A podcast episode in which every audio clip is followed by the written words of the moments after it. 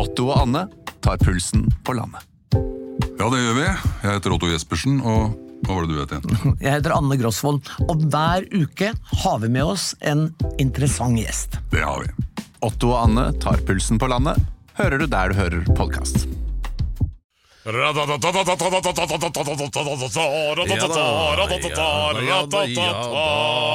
Noen sier at han har løst Rubiks kube på 45 sekunder uten å bruke hendene. Jeg lurer på om det var rumpeballene, jeg er litt usikker. Og at av de som Nei, forresten, han fikk jo også jobb som samlivsekspert i radio fordi han er en imponerende, komplett og fullendt kysser. Og at av de som har kysset ham, så opplever 70% økt forbrenning i løpet av en uke. Eh, Men akkurat nå så er han her, eh, fast bestemt på å gi deg som lytter en unik og følelsesladd opplevelse akkurat her og nå. Eller hva, Alex Rosén? Alex Rosén. Takk, tusen takk.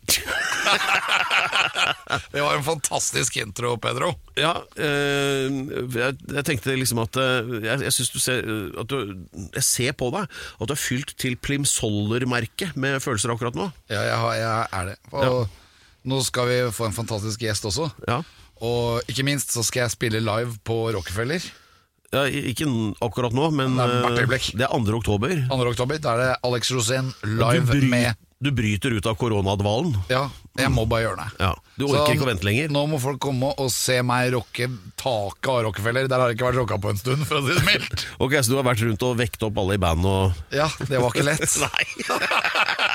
ja, de sitter hjemme og spiser Nav-potetgull Ja, de har akkurat de samme problemene som de har hatt alltid. Ja. det er veldig mye, veldig mye konflikter Så, og utrolig men mye men, problemer. La oss ta det først. da altså, det, det er for så vidt også følelsesladd. Og det er, altså, øh, det er liksom følelser spesial i dag i Alex Rosén-show. Men Det er det, og det er så bra, Per, for det, det trenger vi å prate om. Det vet du. Du er jo en kar som er full av følelser. jeg har som mål å overraske deg i dag. Du benekter det. Uh, ja. Inntil det motsatte er bevist. Er det jeg sier. Så I dag blir det veldig spennende, for i dag skal vi jo faktisk eh, Ikke bare skal jeg spille på Rockefeller 2. oktober, men vi skal faktisk få en gjest i dag som er eventyrlig. Ja, og øh, det kanskje ikke alle vet, er jo at øh, hun tar litt sånn rattet når det gjelder å hjelpe våre barn, da, den håpefulle generasjonen, med å få litt kontakt med følelsene sine. Og det er jo Det skal man ikke tulle med, for det, øh, det trengs. Ja, Følelser er veldig viktig, Ja. Og hun er ypperlig til å prate om det. Og jeg får masse følelser hver gang jeg ser henne. Ja, og du er jo faktisk så drilla innenfor tema følelser at du har blitt hyret inn som lønnet ekspert på riksdekkende radio i NRK eh, for å orientere da lytterne om kvinners følelsesliv. Stemmer ikke det? Jo, det er lenge siden. Det kommer vi tilbake til. Vi skal i hvert fall snakke følelser nå først. Og vi skal også For brette ut helvete ringte de deg om det? Jo, men jeg, jeg er, er bra på følelser, ja, ja. og jeg respekterer følelser. Og jeg vil jo egentlig bare at folk skal ha det digg og ha det kult og være verdensmestere og ha den følelsen som jeg har inni meg hele tida. Ja, ja. Jeg er veldig bra til å skyve ting under teppet. Ja, det skal vi komme tilbake det er jo, Det er jo en veldig nyttig egenskap. Ja, men det er triks. Men følelsenes generator i Norge akkurat nå, Ja, og det, er vår gjest. Ja, og Dessuten er det jo ganske aktuelt det her, fordi at eh, som de aller fleste vil ha fått med seg, så pågår det en sånn eh, sangkonkurranse på NRK om dagen som heter Stjernekamp. Eh, og selv om det heter det, så er Alex med. Og Nei, nå, det var dårlig gjort. Jeg det. Mener jo at det er jo- ja, men hør, nå, jo- hør, hør, Pedro. Jeg mener at det er stjernekamp, og da skal man være entertainer. Og man har veldig mye Det er ikke en sangkonkurranse, det er en kamp mellom stjerner. Og vår gjest i dag er kanskje den største stjernen av de alle. Mine damer og herrer, det er Sandra Lyng som kommer i studio i dag. Herlig. Pedro, Og- du skal bare holde deg fast. Ja, og De som fulgte med sist uke, la jo sikkert merke til at det var, eh, det var en hva skal vi kalle det, en nedrykksstrid der som Ja. virkelig var spennende. Helt riktig, det var en hard nedrykkstid. Jeg var helt sikker på at jeg skulle rykke ut. Og så gjorde Sandra Lyng det, og hun var engelen som kom ned og, og, og hjalp meg. Men hva, var, det du jeg- som var inne bak på bakrommet med skrutrekker og fiksa sånn at hun ikke røyk ut likevel? Det var det, vet du. Jeg visste det. Ja. Vi skal få detaljene om dette. Heng med i det ekstremt følelsesladde og ikke minst interessante og kognitivt utfordrende Alex Rosénshow. Ja, og snart, mine damer og herrer, er det rock. Alex Rosenshov En podkast fra Radio Rock. Som alle med et eh, snev av peiling vet, så er det ingenting er så følelsesladd som eh, rock'n'roll. Og nå kom altså dagens gjest inn her, og grunnen til at jeg i hvert fall har en sånn varm, fussy følelse eh, var vel kanskje entreen med ACDC-T-skjorte og replikken 'Nå skal jeg være rampete'. Da ble jeg sunnmøring, så ja, sorry.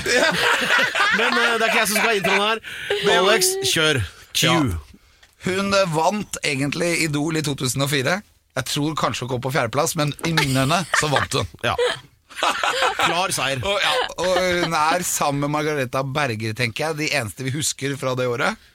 Uh, hun er nå uh, min uh, motstander i Skal vi synge, som da heter egentlig Stjernekamp. Hun har vært på, på all, i alle aviser, på alle forsider. Hun er på en måte en, et av de mest favorittmenneskene i Norge når det gjelder å være i aviser. Og hun har til og med holdt seg unna eh, for å ikke være for mye der. Og så kom hun tilbake igjen, og nå er For meg så er hun bare en engel. Ja. Hun er en engel. Er, jeg vet ikke hva mer jeg skal si. Og vi skal For nå må jeg bare si hva hun heter. Og hun er her nå. Mine damer og herrer, Sandra Lyng! Hei! Sandra, så kult. Vi hadde ikke drømt om å ha deg i studio så mange ganger. Er det sant? Og nå er du her. Nå er jeg. Tusen hjertelig takk for at jeg får lov å komme hit. Det er en ære. Ja, det er en ære å ha deg her òg. og så tenker jeg sånn hva, Det som skjedde nå i, Stjernekamp, Ja. at eh, vi står der alle sammen. ja. Og så blir jeg blir du- kvalm bare å si det. Og jeg og Ingeborg plukket ut for, som de som skal ut. Jeg er 110% sikker på at det er meg som skal ut. Og så er det akkurat som om Jesus kommer gjennom taket, og så tar han tak i deg, og så blir du engelen. Da tenkte jeg bare at du er engelen. Og så var det jo sånn at vi ikke kunne klemme og kose. det. Det var merkelig. Ja. Ja. Og så står jeg der, og så står du og er Sandra Lyng foran alle oss andre. Og så er det akkurat som at det er du som må ta all børen fra oss. Hva tenkte du da? Nei, jeg trodde jo at det røyk. Eh, så jeg tenkte det her er jo en konkurranse. Eh, og, eh, og da er det jo noen som skal ryke. Og da tenkte jeg ok, da var det min tur denne gangen. Eh, og så tenkte jeg eh, Jeg er i hvert fall glad for at jeg var fornøyd med min egen opptreden. Ellers så tror jeg det hadde vært enda tristere. Men jeg syns at det var Det var utrolig trist å ikke se det, for å være helt ærlig, for jeg er blitt så glad i det. Alex. Eh, Så det, det var noe som slo meg. Og så var det det å møte gjengen. Og, altså, det har jo tatt all hjernekapasitet, nesten. Eh, jeg har jo visst det her siden januar. Eh, så det var så rart at det plutselig skulle være over. Jeg bare ropte opp navnet mitt, og så er det over. Ja, For meg var det, Det var så fælt, for at du sto alene der. Og så er det med koronatid og alt. For egentlig Og så blir vi stående og klappe. Ja, altså, det, det der var ganske kleint. Eller det, det følte Det føltes litt som om at jeg sto i skolegården igjen, og så var det noen som sto rundt og bare he-he. Ja. Eh, selv om det, det var av kjærlighet, eh, takk for at du har vært med, Sandra. Men det var en veldig merkelig følelse, for at jeg hadde trengt en klem. Jeg var jo trist inni meg. ja. Selv om jeg var, jeg, var, jeg prøvde å føle på takknemlighet for at jeg i det hele tatt hadde fått vært med, og sånn, men jeg syns jo det var trist. Og det å ikke det få en klapp bak på skuldra, liksom, det var, det var ganske ubehagelig, rett og slett. Men det var jo Ja. åpenbart at det var noe feil der. At du Syns skulle rykke? Der. Ja, det var jo helt eh, tåpelig. Og det var rigga, selvfølgelig, det maskineriet der. Og NRK sitt eh, utstyr. De har jo endelig blitt kvitt de mentometerknappene til Vidar Lønn Arnesen. de- Så nå har de kjøpt noen sånne stemmemaskiner fra Florida. Da. Det? Så de skjønte at det var noe galt eh, etter at Dick Cheney fikk 2500 stemmer ikke sant? Så, i- nå på lørdag. Så det jo, men det er feil. Og den der Jolene-versjonen din, elsker Dolly Parton, elsker den låta. Og eh, det der, da tenkte jeg sånn Oi, det er ballsy å gjøre den. Og så bare flyr det som faen ikke sant, når du synger. Syns du det var bra? Det, ja. Så, så det var, jeg, skjønte, jeg skjønte at det var feil med en gang. Å, så koselig av deg. Og så går det altså en liten stund. Ja. Det er helt kaos. Jeg går på bakrommet, og så gråter jeg.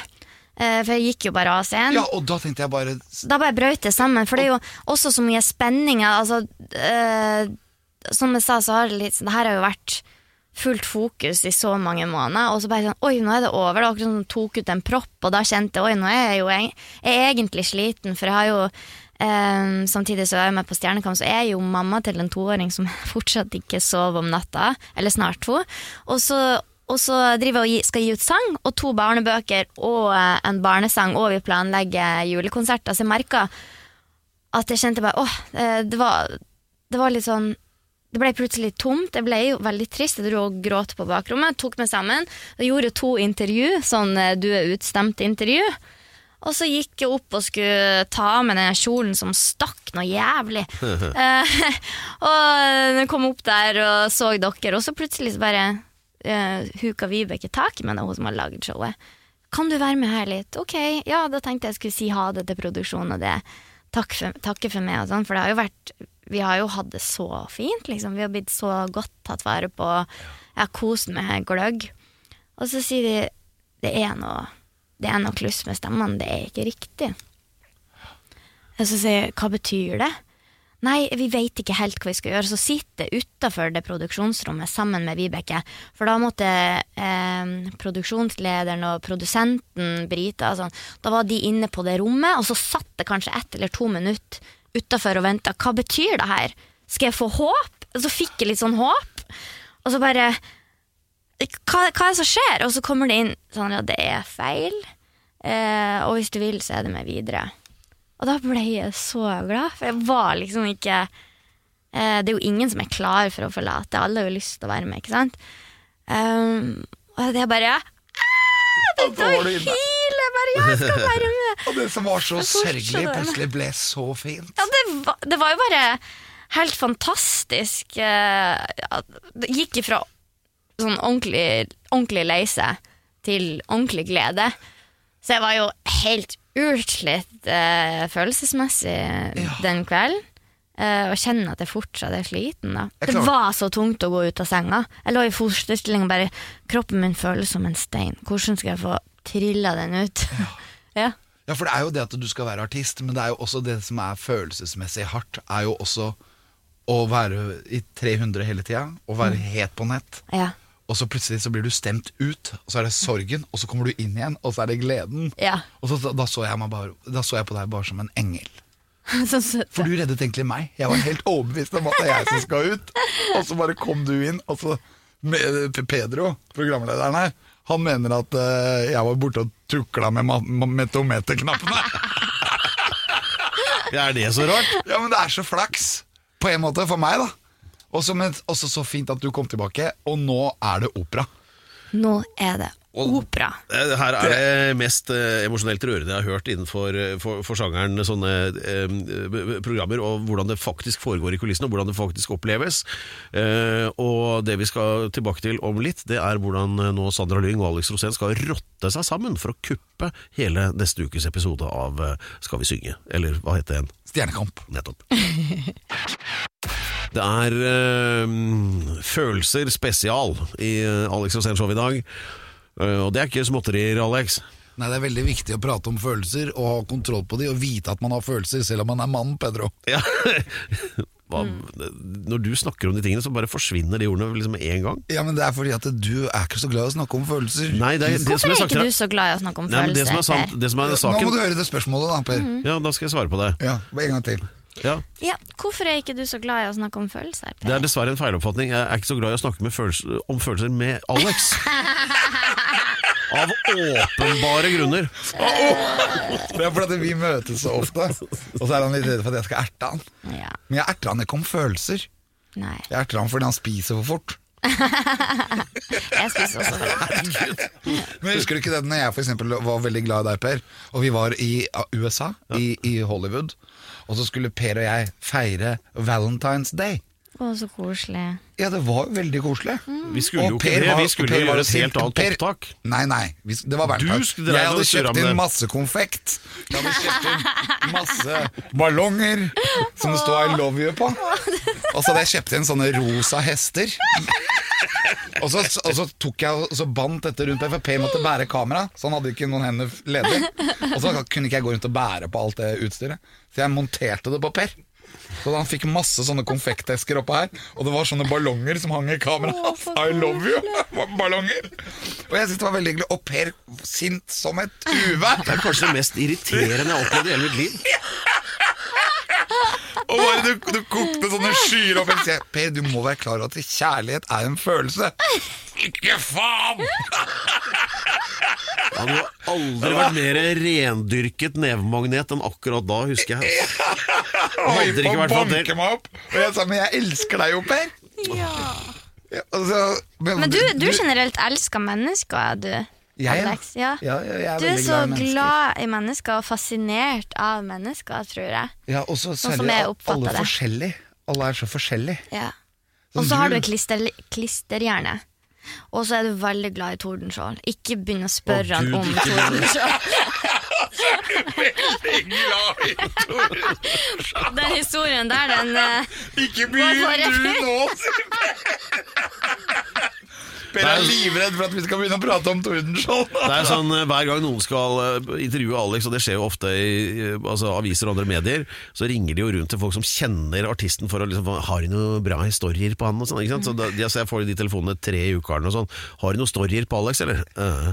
Og, men da, så Det eneste tipset jeg pleier å gi, det er at hva du enn gjør, ikke spør om Tordenskjold, for da får du ikke gjort noe annet den dagen.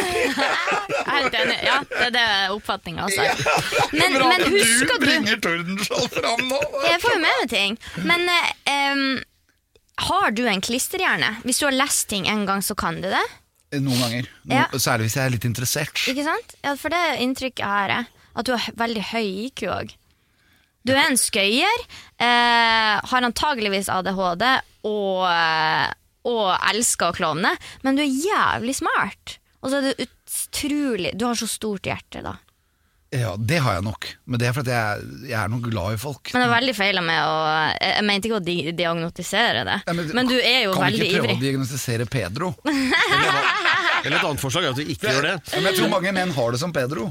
At de nekter å prate om følelser. Og jeg tror det er veldig sånn generelt for menn. da At de har problemer med det. Ja, hva, vil, hva vil du jeg skal snakke med Pedro, eh, Per om eh, angående følelser? Hvordan Per kan være litt mer i kontakt med seg selv. Ja, men jeg tror du ikke Per er i Dette kontakt her er med seg bare selv? der Valentine's Day-genet hans som slår ut. Han skal prøve, prøver å få i gang noe helvete her. Ikke sant? Han vil- Det han egentlig vil, er at vi skal restle. For det, Ja. det, det skjer på et tidspunkt. Ja. Ja, Men, eh, det gjør det! Det er så morsomt. For det pleier jeg og Per å gjøre når vi ikke har noe annet å gjøre. Men Så da-. Naken? Det kunne vært fint, Per. Jeg Nakenwrestling. bare innsmurte litt eh, daddelolje med sånne meksikanske masker. Ja, i daddelolje. Det kunne vært noe. Men uh, det har vi ikke tid til akkurat nå, dessverre. Eh, dessuten er det litt for visuelt for radio. Men uh, vi, altså det der med å snakke med Alex om følelser, det er det jo mange som gjerne vil. Jeg står gjerne over, fordi det har gått skeis så mange ganger. Men han, er jo, han ble jo ansett for å være såpass ekspert på dette, og særlig kvinners følelser, at NRK ansatte han som ekspert på området. Visste du det, Sandra? Nei, det visste jeg ikke, men jeg, men jeg kan forstå Spør det, nå som jeg kjenner han. Du kan gjerne spørre han hvordan i helvete kom de på å be han om det. Eh, hæ? Nei, ja, ja, hvordan de kom til å eh, Ja. be han Ja, hvordan, hvordan kom du til Du er veldig god å selge deg sjæl inn, da. det, det skal du ha. Må være Det Men da jeg fortalte at, eh, at eh, Nei, men jeg tok det jo Jeg tok det jo på, Da jeg røyk ut, så sa jeg ja, men jeg jeg er jo sterk, så jeg tar jo det, sa jeg. Ja, da sa jeg sånn, selvfølgelig gjør du det, du tar det mye bedre enn meg. For du, for kvinner er generelt eh, psykisk sterkere enn menn, sa han. Og så sa han, vet du at menn er egentlig ikke ekte folk. Eh, de er XY-kromoson, og kvinner er XX-kromoson, så vi er bare lagd for for å forplante noe i dere, sånn at folk kan formeres. Ja. Ek Det menneskelige lærte du meg. kromosomet er XX, Ja. mens XY det er en avart. Så vi menn er en avart av rasen menneske. Så du er en ordentlig feminist. Det, ja. Hører du det, Per? Eh, ja, men du er jo det. Ja, ja, du er det. Du er for likestilling. ja. Ja. Jeg er det. Alex Rosén Show podkast. Det er eh, emosjonelt eh, her i dag i Alex Rosénshow. Det er Følelser spesial, og vi har besøk av selveste Sandra Lyng. Yes! Og eh, Jeg hørte i sted du ramste opp alt du drev med. Jeg husker jo ikke halvparten, men det er bare en tiendedel av det. er mer enn Alex og jeg til sammen har fått gjort i år, i hvert fall. Så du er jo produktiv, da. Og en av tingene er jo ditt gryende forfatterskap. Og da beit jeg meg merke i at du skal skrive Eller det, du har kanskje gjort det, for de kommer ut Eller det, altså disse barnebøkene om enhjørningen Corny er det jeg skal inn på. Er det ikke der sånn liksom at det er et eh, altså, Sånn jeg har forstått det, da, for jeg har jo ikke lest dette, men at det er en enhjørning med følelsene helt sånn som nervebunter utenpå kroppen, som skal liksom lære barn å tenke at eh, det, det er greit å ha følelser, eller er, er det det som er bakgrunnen her? Helt uh, riktig. Ja. Jeg har skrevet to barnebøker som kom ut i uh, vår, og så kommer det to nye barnebøker sånn det, nå ja. uh, den 30. Det er en hel serie. Um, og det er enhjørningen corny fra ordet unicorn. Jeg liker jo ordet corny, som betyr litt sånn keitete og rar. Jeg har alltid sett på meg sjæl litt keitete og rar. Um, og så, eh, og så ville jeg at det skulle være noe magisk med corny. Og så ville jeg at eh, for, sant, Da vi vokste opp eh, eh, vært sikkert, enda verre da du vokste opp. Da ble det jo ikke snakk om følelser. Hvis du var deprimert, så ble du sett på som gal. Hvis du ble innlagt, så var det liksom, da var du på galehus. Og, og for meg så er det veldig rart og trist at det har vært sånn. Jeg er jo vokst opp med å og fått inntrykk av, for det er jo ikke i alle hjem, men at jenter måtte være pertentlig, flinke, lydige, mens gutter kunne gjerne være rampete, eh, utagerende. Eh, det var liksom helt greit, men, men da ikke Helst ikke vise følelser, helst ikke vise sårbarhet, for da var du svak. Og det her hadde jeg lyst til at, ikke lyst til at Sander, sønnen min, skulle eh, skulle, skulle, altså, skulle gjemme følelsene. Jeg vet nå, etter mange år i terapi, at det å sette ord på en følelse, identifisere den og vite hvordan du skal takle en følelse, det er rett og slett forebygging for, eh, for en dårlig psykisk helse. Jeg tror at det er veldig bra. Jeg vet at det er veldig bra. Og, så det ville jeg da pakke inn i de bøkene her, og da kom jeg på ideen hva hvis det hornet i panna til Corny endrer farge? Når corny endrer emosjon. Sånn, eh, sånn som mood rings som jeg hadde da jeg var liten, som fortalte meg oi, nå er jeg svart, nå er jeg skikkelig forbanna. Ja, ja. eh, så når corny er sint, så er hornet i panna rødt, og det vil si at alle kan se hvordan corny føler det. Så det er helt motsatt av det jeg har vokst opp med, det vi har lært at vi skal holde følelsene inni oss. Eh, og når corny er lei seg, så er hornet blått, når corny er redd, så er hornet lilla. Og på den måten det er ikke sånn at det er en kjempepedagogisk eh, bok, sånn at det blir kjedelig å lese for barn. Jeg har lagt det inn i eh, enkle barnefortellinger, men hvis foreldrene er interessert når de leser, eller de voksne leser til ungene, så kan de si 'hvorfor ble hornet den fargen, tror dere?' Og, det, og på den måten kan man starte en dialog eh, om følelser. Ja. Når han er glad, da, hvilken farge blir hornet da? Da er det Da lyser det gult. Da lyser det kult. Og så har jeg jo lagd sang til hver bok, sånn at man også eh, Ja, for de som f.eks. barn som ikke kan se, eh, kan høre på en sang, da. Eh, om det her. Om følelser. Ja. Em, men så Jeg sa at boka ikke var pedagogisk, men jeg har jo gått igjennom med en eh, veldig flink barnepsykolog etter jeg har skrevet bøkene. Bare for å vite at um, i situasjoner der foreldrene er med, eller eh, han eh, eller hen Corny er jo heller ikke et kjønn, sånn at barnet kan identifisere seg med det kjønnet eh, de vil Corny skal ha. Så eh, de homofile bestefedrene til Corny, når de blir satt i en situasjon hvor de skal hjelpe Corny, eh, hva ville vært den helt optimale måten å snakke til et barn på i de forskjellige settingene? Sånn at kanskje foreldrene også kan få noen tips gjennom barnepsykologen som jeg har snakka med. Så de voksne bør også lese boken. Jeg syns det. Mm.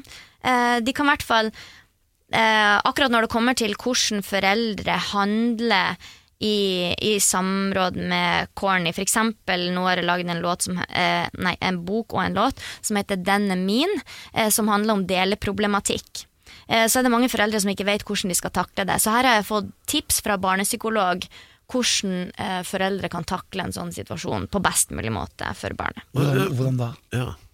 Eh, hva de kan gjøre. Ja. Eh, det de kan gjøre, er å ha fokus på at det, for jeg tror at barn, Grunnen til at barn blir veldig sånn 'Den er min', det er fordi det er noe de er glad i, og de tror kanskje at de mister det. Når noen andre begynner, begynner å leke med at det blir sånn Redd for å miste noe de er glad i, tror jeg. Eh, det, her er, det her må du snakke med noen som kan mer om det om.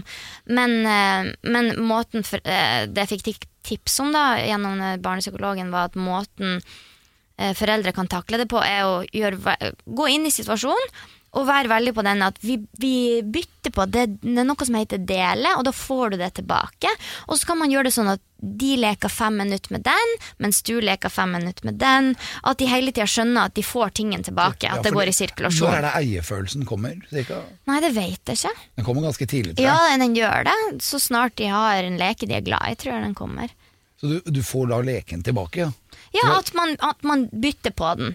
Eh, Så ser man at oi, du får den tilbake, men nå må vi lære å dele, og så, så kan de ha den litt, og så kan vi ha den litt. Jeg husker da jeg var liten, eller når jeg, jeg egentlig var stor, da, men når min sønn var liten, Mm. så kom han bort til meg, så skulle jeg ta en bit av isen hans.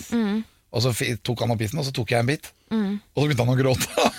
Ja. Fordi jeg tok altfor stor bit. Ja. Men det ville jo du sikkert du også gjort. Du ville jo blitt forbanna hvis noen tok en svær tygge av Ja, yndlingshamburgeren selvfølgelig, din. men jeg tenkte jo ikke at det var for stor bit, men jeg har jo bare så stor munn. Ja, det var det.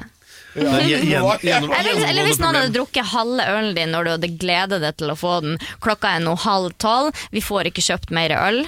Ja. Da hadde sikkert du også blitt sur. Ja, men det er bare jeg- at barn gråter i stedet for å Ja, si det. jeg ville jo at barnet ikke skulle gråte. Ja. Jeg følte meg litt klumsete at jeg hadde tråkket helt feil. Ja, men man, man skal jo ikke tråkke riktig heller som foreldre. Hvis, eh, hvis vi er mm, i anførselstegn såkalt perfekte foreldre, så er jo ikke ungen rusta til det virkelige liv. Men, men jeg tror at hvis at du får folk lei seg eller til å gråte, så er det aldri med ond intensjon. Så var ikke det meninga. Da har du bare klumsa det til, og da får du si unnskyld, og så er man glad i det igjen. Ja, det er det man må. Ja. Så det er det jeg må egentlig være bra på. Altså. Men er du ikke det?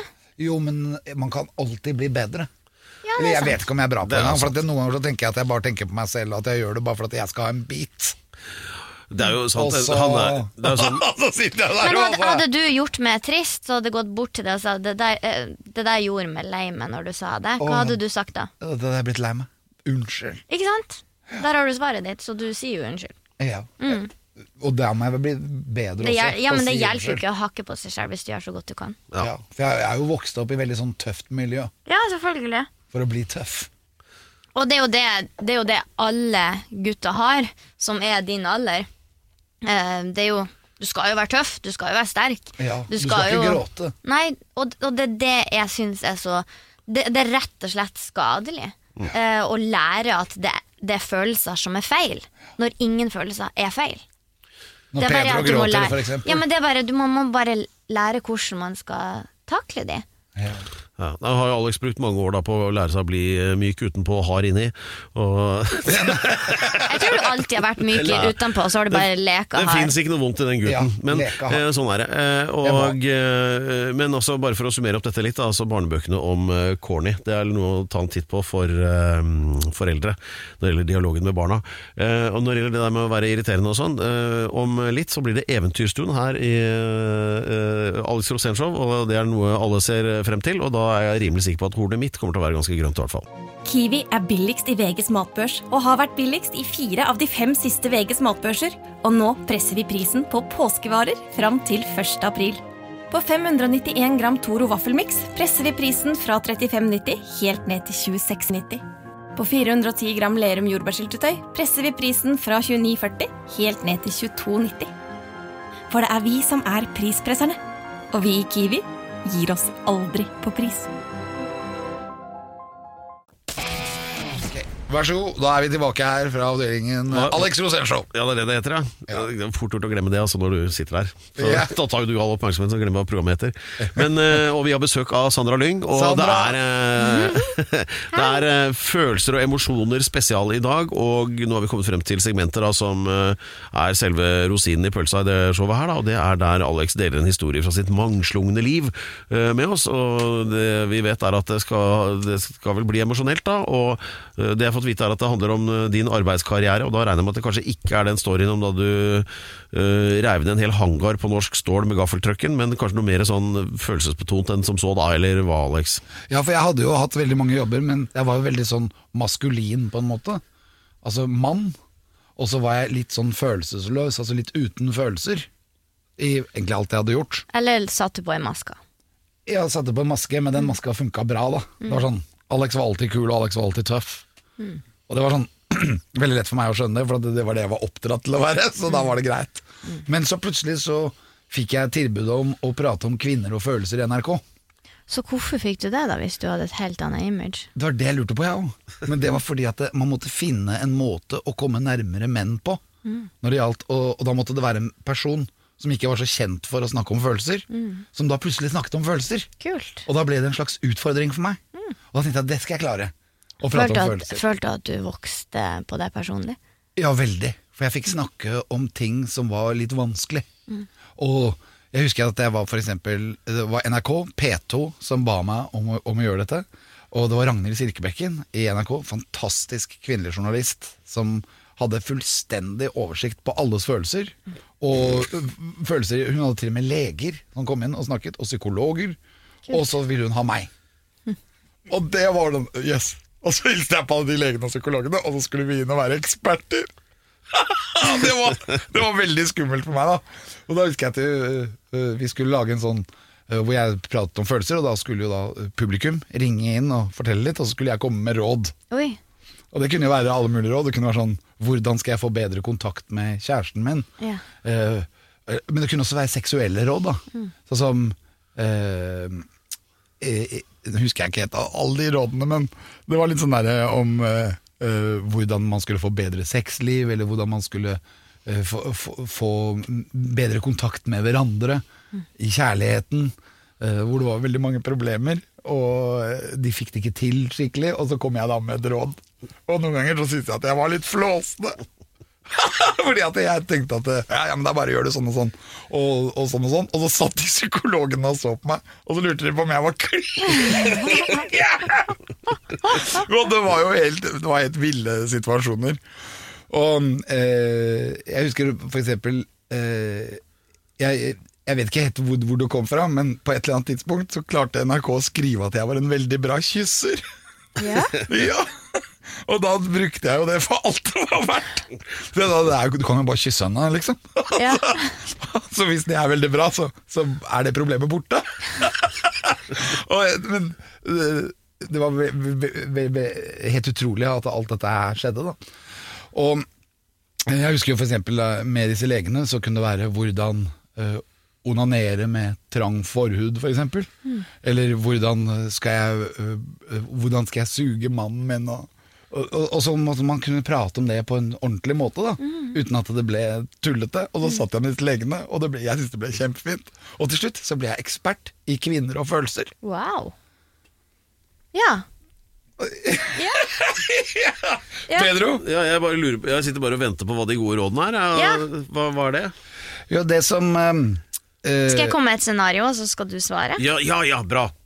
Nå er det, og da har vi fått et spørsmål fra vår lytter eh, Sandra fra Mosjøen. Eh, hei, Sandra. Eh, Kjæresten min eh, har hele tida lyst til å ta den i toeren. Hva kan jeg gjøre for å unngå det? Uh, Altså, det her er jeg ikke, svart det her er ikke Ja, sann hvis- historie. Jeg må bare si det.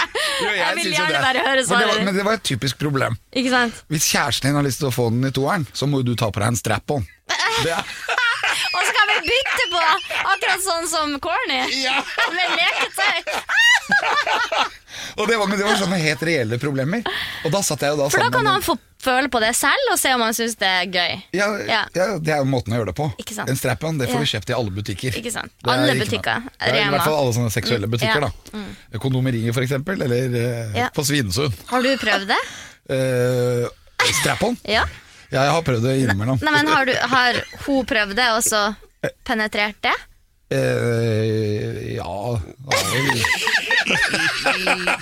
Det har vel skjedd, det òg. Jeg tror ikke jeg Altså, jeg prøver Når jeg da er psykolog, Ja. så prøver jeg ikke å ha begrensninger. Nei. Så jeg sier sånn at alt er mulig. Ja, alt er mulig. Ja. Så jeg bare tenker For du har sånn- prøvd nesten alt. Ja, ja, Ja. jeg tror jeg har prøvd alt. Ja. Men i hvert fall, det, det kunne jo være sånne ting som vi da diskuterte. Ikke sant? Hvordan man da prøver det. Og hvis du ikke har prøvd det før, f.eks. Eh, Pedro eller en eller annen person da, som er i studio, som trenger da å, å, å få vite åssen man gjør det, Ja. så kunne jeg komme med råd. ja. Og det, men mitt, mitt beste råd faktisk når det kommer til følelser som, for, for at jeg blir ofte sett på som veldig lykkelig og glad. Og det er jeg jo. Jeg er veldig glad inni meg, selv om jeg er lei meg. Jeg mener at det å være lei seg er en veldig viktig følelse. Så det kunne vært, vært ting jeg kunne si, at det, det er en veldig viktig følelse å være lei seg. Og det er en, skal du være veldig glad, så er det veldig viktig å vite hvordan det er å være veldig lei seg. For det er to sider, egentlig, av samme sak. Og hvis du ikke har noen følelser, så blir du liggende i midten, og da vil du ikke oppleve oppturer og ikke nedturer. Det er Så skal du trist. Være, ja, det er trist. Det, det er som å være medisinert, da. Ja, for da vet man aldri uh, Hvis man ikke har kjent på ordentlig dyp sorg, så vet man kanskje ikke hvordan det er, er å sette pris på en ordentlig glede. Helt riktig. Akkurat. Og jeg er jo veldig glad. Og det er jo fordi at jeg også vet åssen det er å være veldig lei seg. Ja. Og for eksempel, vi, vi som sangere og kunstnere, på en måte, da. Eh, vi synger jo sanger av og til om å være lei seg, av og til å være tøff. Men for å kjenne de følelsene, så måtte man lære seg, lære seg å være lei seg. Og veldig ofte når jeg er kreativ og lager sanger, og lager låter, så er jeg aller best til å gjøre det når jeg er lei meg. Når jeg er veldig lei meg, så skriver jeg kanskje tre låter på en dag. Når jeg er veldig glad, så skriver jeg ingen. Og det er sånn derre Det er veldig øh, forskjellig. Altså derfor så prøvde jeg da å lære meg at man måtte ta hensyn til at folk var lei seg. Men så hadde jeg noen triks. Og mitt beste triks, det var å fortelle at uh, skyv problemene under teppet, sa jeg. For da er de borte. Ja. Ute av syne, ute av sinn. funka det?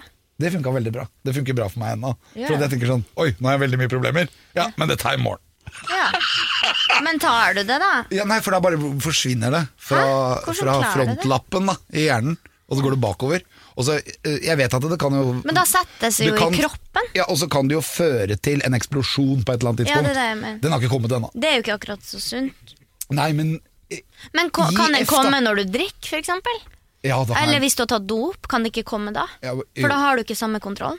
Jo, i hvert fall Jeg kan bli veldig emosjonell når jeg tar og drikker. Og det er jo sikkert fordi at Altså- du gjør sånn som du gjør, at du skyver deg under teppene. Ja, altså, så- men, men du må ha en reell person å prate med disse problemene om. Og Mm. og Pedro prater ikke om følelser. Med deg, nei. Nei. Nei. Pedro, Og da- og da- Per, du kan snakke med meg om følelser. Ja, fint. Ja, jeg han prater ikke med meg, og da blir jeg veldig innestengt. Ikke sant? Og da blir jeg en sånn liten dynamittkubbe. Og så på et eller annet tidspunkt så skal jo det eksplodere, men jeg er, på, jeg er blitt ganske bra i å gi F, hvis du skjønner. Ja. Og, og, og det var et av triksene jeg Men kunne det er jo kanskje bort. fordi at du har måttet gi F fra du var barn. Du har måttet skyve det til side, for skulle du deale med, med alt som man kan deale med, så, så hadde jeg ikke sikkert du hadde overlevd det. Nei, og så er jeg blitt så glad i den gode følelsen. Mm. Så jeg liker den best.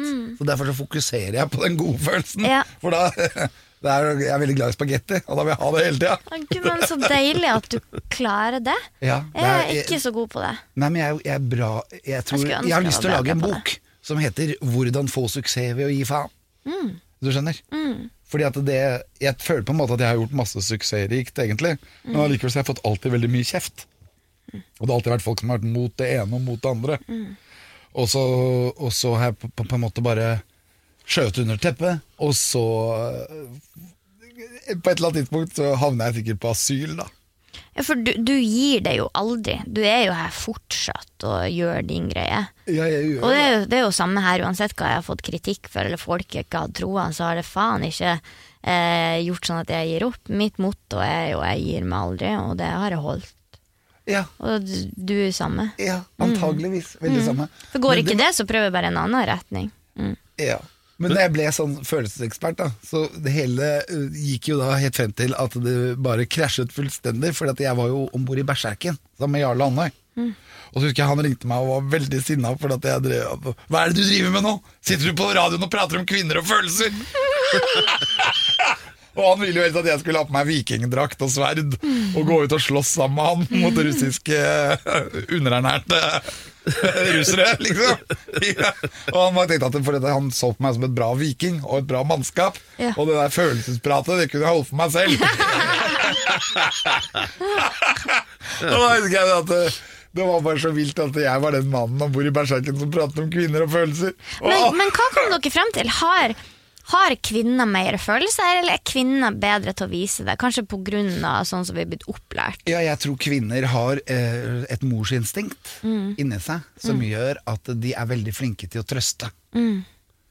Det er ingen som trøster bedre enn en kvinne. Mm. For de ser så mange eh, fasetter av Mm. et problem.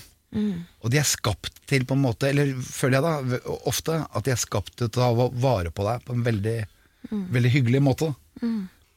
Herlig. Jeg sitter her og tenker nå at eh, her har du da rådgivning fra to ulike eh, leire da, til eh, emosjonelt utfordrede lyttere. Enten via corny-bøkene til Sandra eller rådene til Alex. Det representerer jo litt sånn to ulike leire her. Men jeg er sikker på at det blir fullendte mennesker som tar hensyn til begge typer råd, tenker jeg. Eller hva? Ja, Ja. det tror jeg òg. Ellers er det greit å fordele da med, med kvinner at den ene tar seg av trøstinga, og den andre tar seg av bæringa. Vi er snart tilbake. Alex Rosén Show.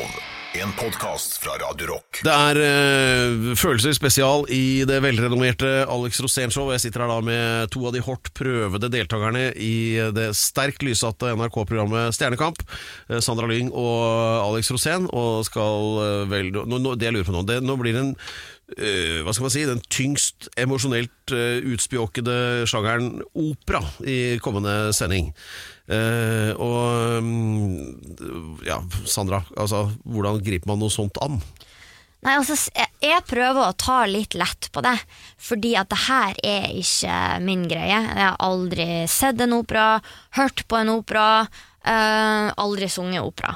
Så da, da må man bare være sånn Jeg må være ærlig og si at jeg syns opera er helt jævlig. Altså, det er ikke min kopp te. Men, men nå skal du gjøre dette, da. ja, nå skal vi jo gjøre det her, og da er det jo bare å, å gjøre sitt beste. Noe mer enn det kan man ikke forvente, for det her er ikke, det her er ikke min, min greie. Men noe må du gjøre. Ja, altså, jeg skal jo, jeg skal jo gjøre så godt jeg kan. Ja. Eh, og jeg skal sette meg inn i rollen så godt jeg kan, og jeg har jo øvd. Eh, så jeg skal få det til på et eller annet vis. Så hvilken, kan jeg spørre, hvilken øh, Det heter jo ikke låt. Eller Nei, det er arie, arie. eller- Ja, det har jeg akkurat lært. uh, jeg skal ta en arie som heter Lasha Kyo Pianga. Som Er er det spansk? eh, italiensk. Oh. Jeg trodde det var latinsk, så lite vet jeg. Uh, og um, Det er mye det samme. Og så Og den handler jo om Den he- heter liksom La meg få gråte. Okay. Eh, fordi skjebnen min er forferdelig.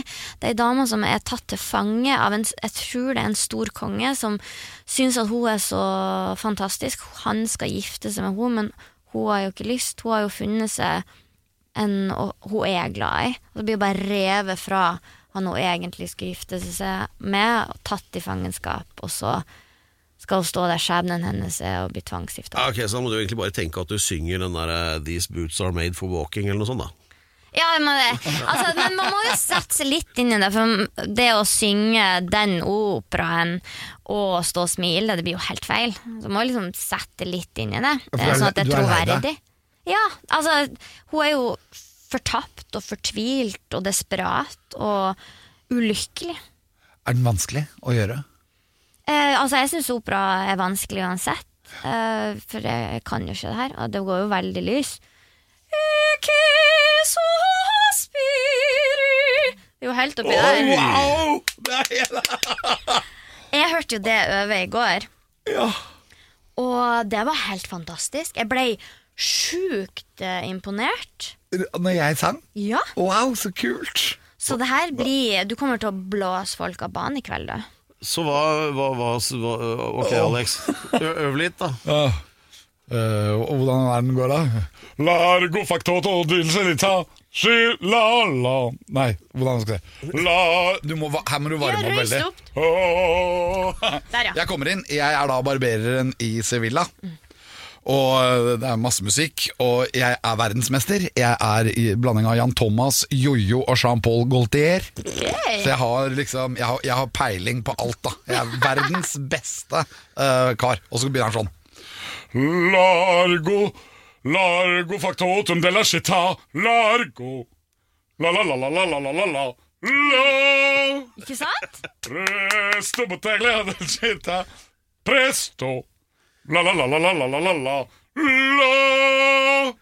Det må bare leveres på de riktige taktslagene. Ja, jeg har vært veldig opptatt av det. Det er fått... supertrua at du får en drøss med stemmer. Du kommer til å imponere skikkelig.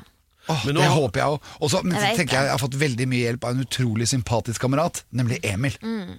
Emil, Jeg har fått Emil med meg i øvingslokalet. Ja. Doktor i opera, sånn ja, som du sa. Ja, han er doktor i opera. Ja, da må han ut. Altså, kan ikke dere nå Altså dere, nå, nå er jo dere liksom eh, Stjernekamps-tupen og Lillemor, ikke sant? Og Ja. dere, dere har jo dere Power in Numbers, begge var i den utslagskomiteen, eller hva det heter for noe, da, bla, bla, sammen med eh, Ingeborg, ikke sant? Altså Ja. nå sist. Eh, Så må dere slå dere litt sammen nå, ikke sant? Og Alex hadde med loddebolten og fiksa stemmemaskinen forrige uke, så det kan han ikke gjøre en gang til. Eh, Så, eh, så hva kan dere gjøre for å rotte dere sammen, bare for å psyke ut noen, sånn at noen andre ryker ut istedenfor? Kan dere ikke planlegge det litt nå? Hvis dere skal eksempel eh, ut noen, det er jeg ikke god på. ja, Ta han Emil, da. Hva skal til for å få han til å få nervøst sammenbrudd og synge dårlig? Ja, Men han vil jeg jo ikke skal synge dårlig, han er jo så snill. Ja. Hvem, Jeg vil jo bare løfte Emil. Hvem skal dere ta rotta på? Hvis jeg skal ta rotta på noen, så blir det meg sjæl, tror jeg.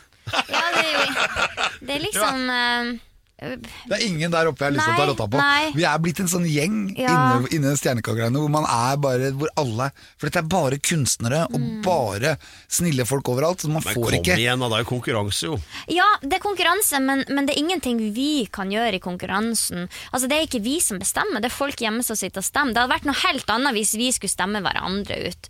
Da tror jeg vi hadde følt Vi kan ta med sterkeste av de alle, da. Knut Marius. Knut Ja. Marius ja. ja. Litt grann sånn Han er- han sterkt vant jo The avføringsmiddel Voice. i Fantaen hans på forhånd. Altså, han har jo Norges beste Han ble jo kåra til Norges beste vokalist. Ja, Ja, Det er jo Han er jo irriterende. en Da må dere ta han. kjempesterk konkurrent. ja. Ja. Han kan, og Han han må jekkes tåler det. ned. Han tåler det, ja. Ja.